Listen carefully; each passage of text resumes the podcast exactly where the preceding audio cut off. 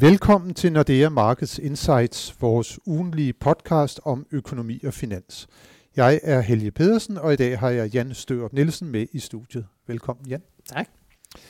Rentestigningerne ser bare ud til at fortsætte. I onsdags kom der nemlig tal fra USA, som viste, at inflationen i januar nåede helt op på 7,5 procent.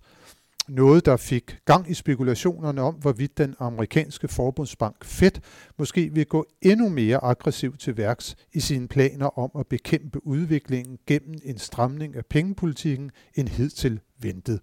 Især de korte amerikanske renter er på den baggrund steget markant og er nu tilbage på niveauet fra før pandemien.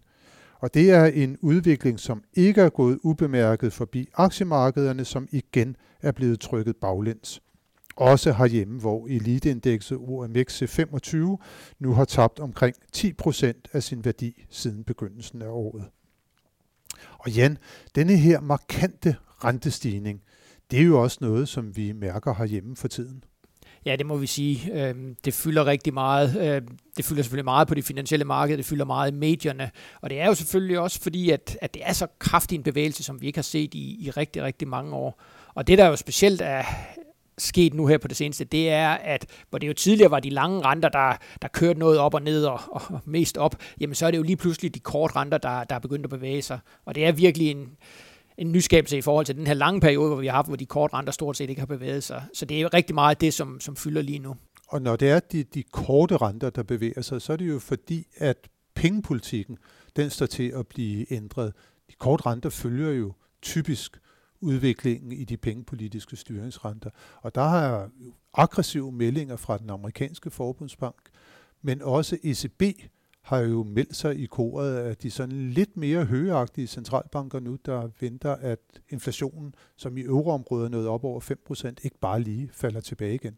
Ja, og det er vist endda pænt sagt, at de, er blevet, de har strammet retorikken noget. De, det er jo virkelig en, altså jeg synes, det er en voldsom kovending, de har været, de har været ude i.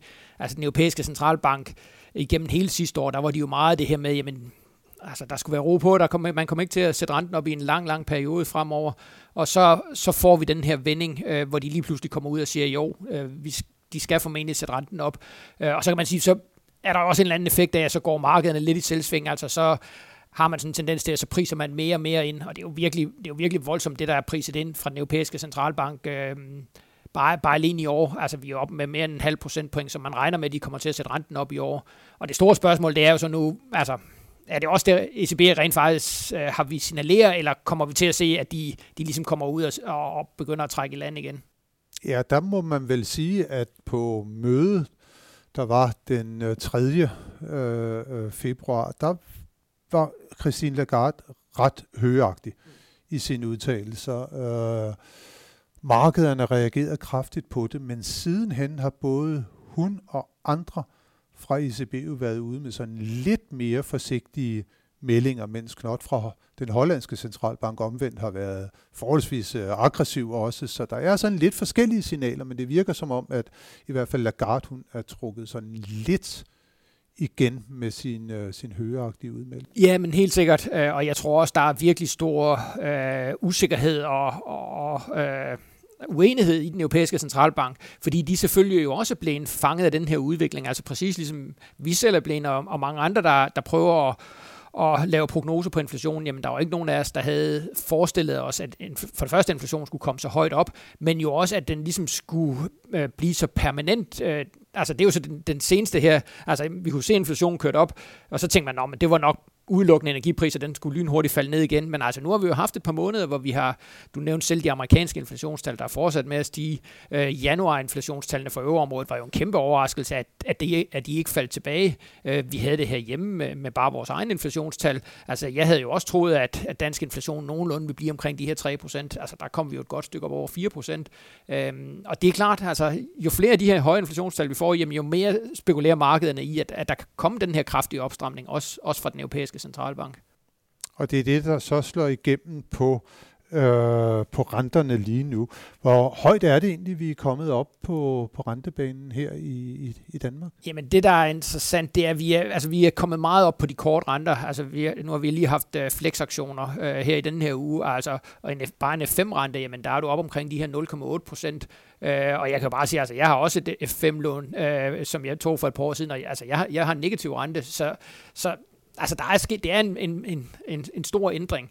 Øhm, og noget af det, som, som jeg synes er rigtig interessant, det er jo det her med, jamen, hvor meget hvor meget er niveauerne, og hvor meget betyder ændringerne, for man kan sige en F5-rente på, på 0,8 procent, jamen jeg tror langt de fleste boligejere, altså hvis man går tilbage i tiden, så vil man jo være lykkelig over at have, at have en rente under 1 procent på sådan et F5-lån. Men igen, altså hvis man så kigger tilbage og ser, hvad man tidligere kunne få den for, jamen så er det jo lige pludselig en stor rentestigning.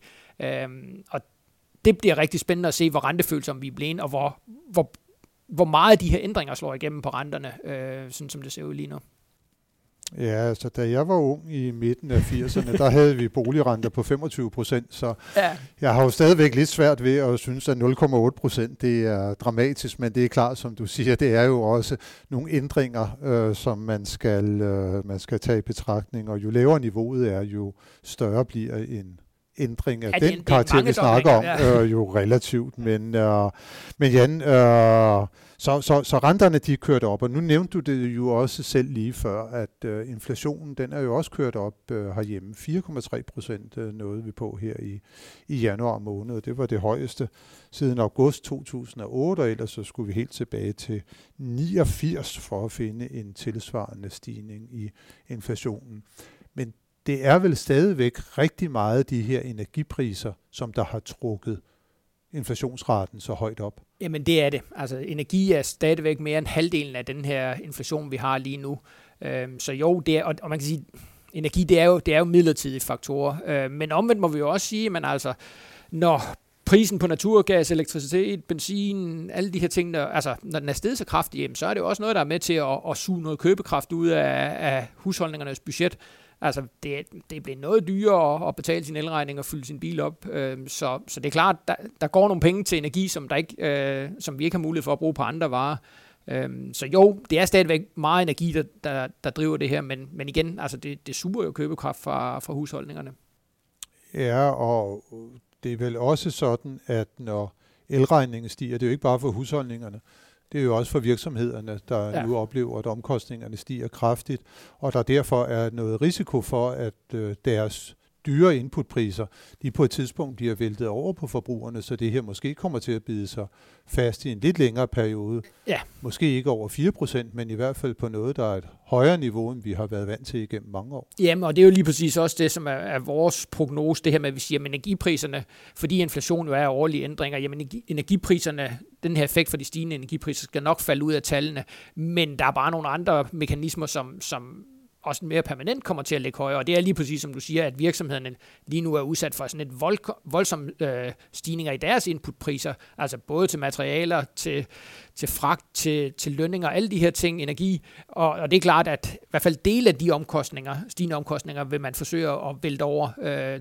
til, til forbrugerne, så man får sådan en anden selvforstærkende, selvforstærkende effekt. Og det er også derfor, altså, vi tror ikke på, at dansk inflation kommer ned under 2% øh, over de næste par år, selvom energipriserne falder ud af de her beregninger. Det der jo også er kendetegnende, når man øh, kigger på inflationstallene, det er jo, at det er varepriserne, som der stiger kraftigt nu. Jeg tror, de var helt oppe på over 6,5 procent i årsstigningstakt. Det, det er mange år siden, vi har set noget tilsvarende, men servicepriserne, de jo fortsat udvikler sig langt mere moderat.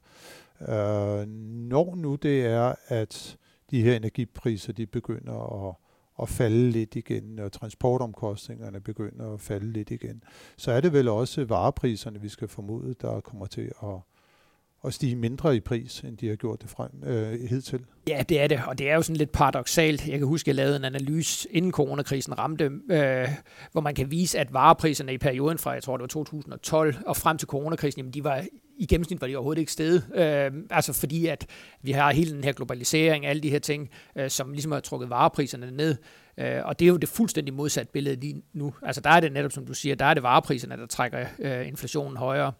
Øh, men, ja, og, men det, som jeg tror på, på lidt længere sigt, der kommer til at drive inflationen højere, jamen det vil være serviceinflation. Det vil være den her effekt af, af højere energipriser og højere lønomkostninger.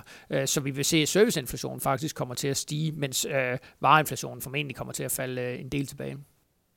Det bliver ret spændende at se, fordi ultimativt afhænger det jo også af, hvordan at øh, produktiviteten den kommer til at, øh, at udvikle sig. Øh, måske også inden for, for dele af, af tjenestesektoren. Ja, men helt sikkert. Altså, det, er, det er klart, det er en, en, en vigtig, øh, vigtig faktor i, i hele det her øh, det her billede. Og det er jo også det, det, et af de store spørgsmål, som jeg også synes er interessant, det er jo det her med, altså vi havde jo de her øh, deflationære kræfter inden coronakrisen, og spørgsmålet er, kommer de tilbage, kommer de ikke tilbage? Hvad gør virksomhederne for eksempel i forhold til, til forsyningskæder? Der er rigtig mange ubekendte i det her, så det er bestemt ikke, og det er ikke fordi, jeg skal prøve at retfærdiggøre min egen prognose, men det er bestemt ikke nemt at lave prognoser i den her tid, fordi der er så mange faktorer, der, der er i spil. Der er mange faktorer i spil, Jan. Uh det, som vi øh, lige kort nævnte før, det var jo så også øh, det her mulighed for, at der kommer lidt højere øh, lønstigningstakt øh, fremadrettet, både fordi at ja, lønmodtagerne de ønsker at få noget kompensation for den øh, højere inflationsret, men jo også fordi, at arbejdsmarkedet det er, det er stramt. Det er det fortsat herhjemme. Ja, det må vi sige. Øh, der er måske en lille opblødning, men det er meget, meget begrænset. Vi har stadigvæk rigtig mange ledige stillinger, som ikke bliver besat. Vi har stadigvæk mange virksomheder, som siger, at de kunne producere noget mere, hvis bare de havde øh, den fornødne arbejdskraft. Øhm, og det er jo også derfor, altså, når man så kigger på, hvad kan man gøre ved det, jamen altså, en, en del af løsningen, den ligger i hvert fald i forhold til den udenlandske arbejdskraft. Og der synes jeg jo, øhm, uden på nogen måde at blive politisk, altså det er lidt synd det her med, at man ikke har fået, fået øh, Øh, nået til enighed omkring det her med udenlandsk arbejdskraft. Øh, det virker jo som om et bredt flertal i Folketinget faktisk er enige om, at, at det er en af, af måderne, man kan, man kan afhjælpe situationen på, men man mangler bare lige at få, få lavet det endelige forlig. Øh, så vi må håbe, at det, det kommer inden alt for længe.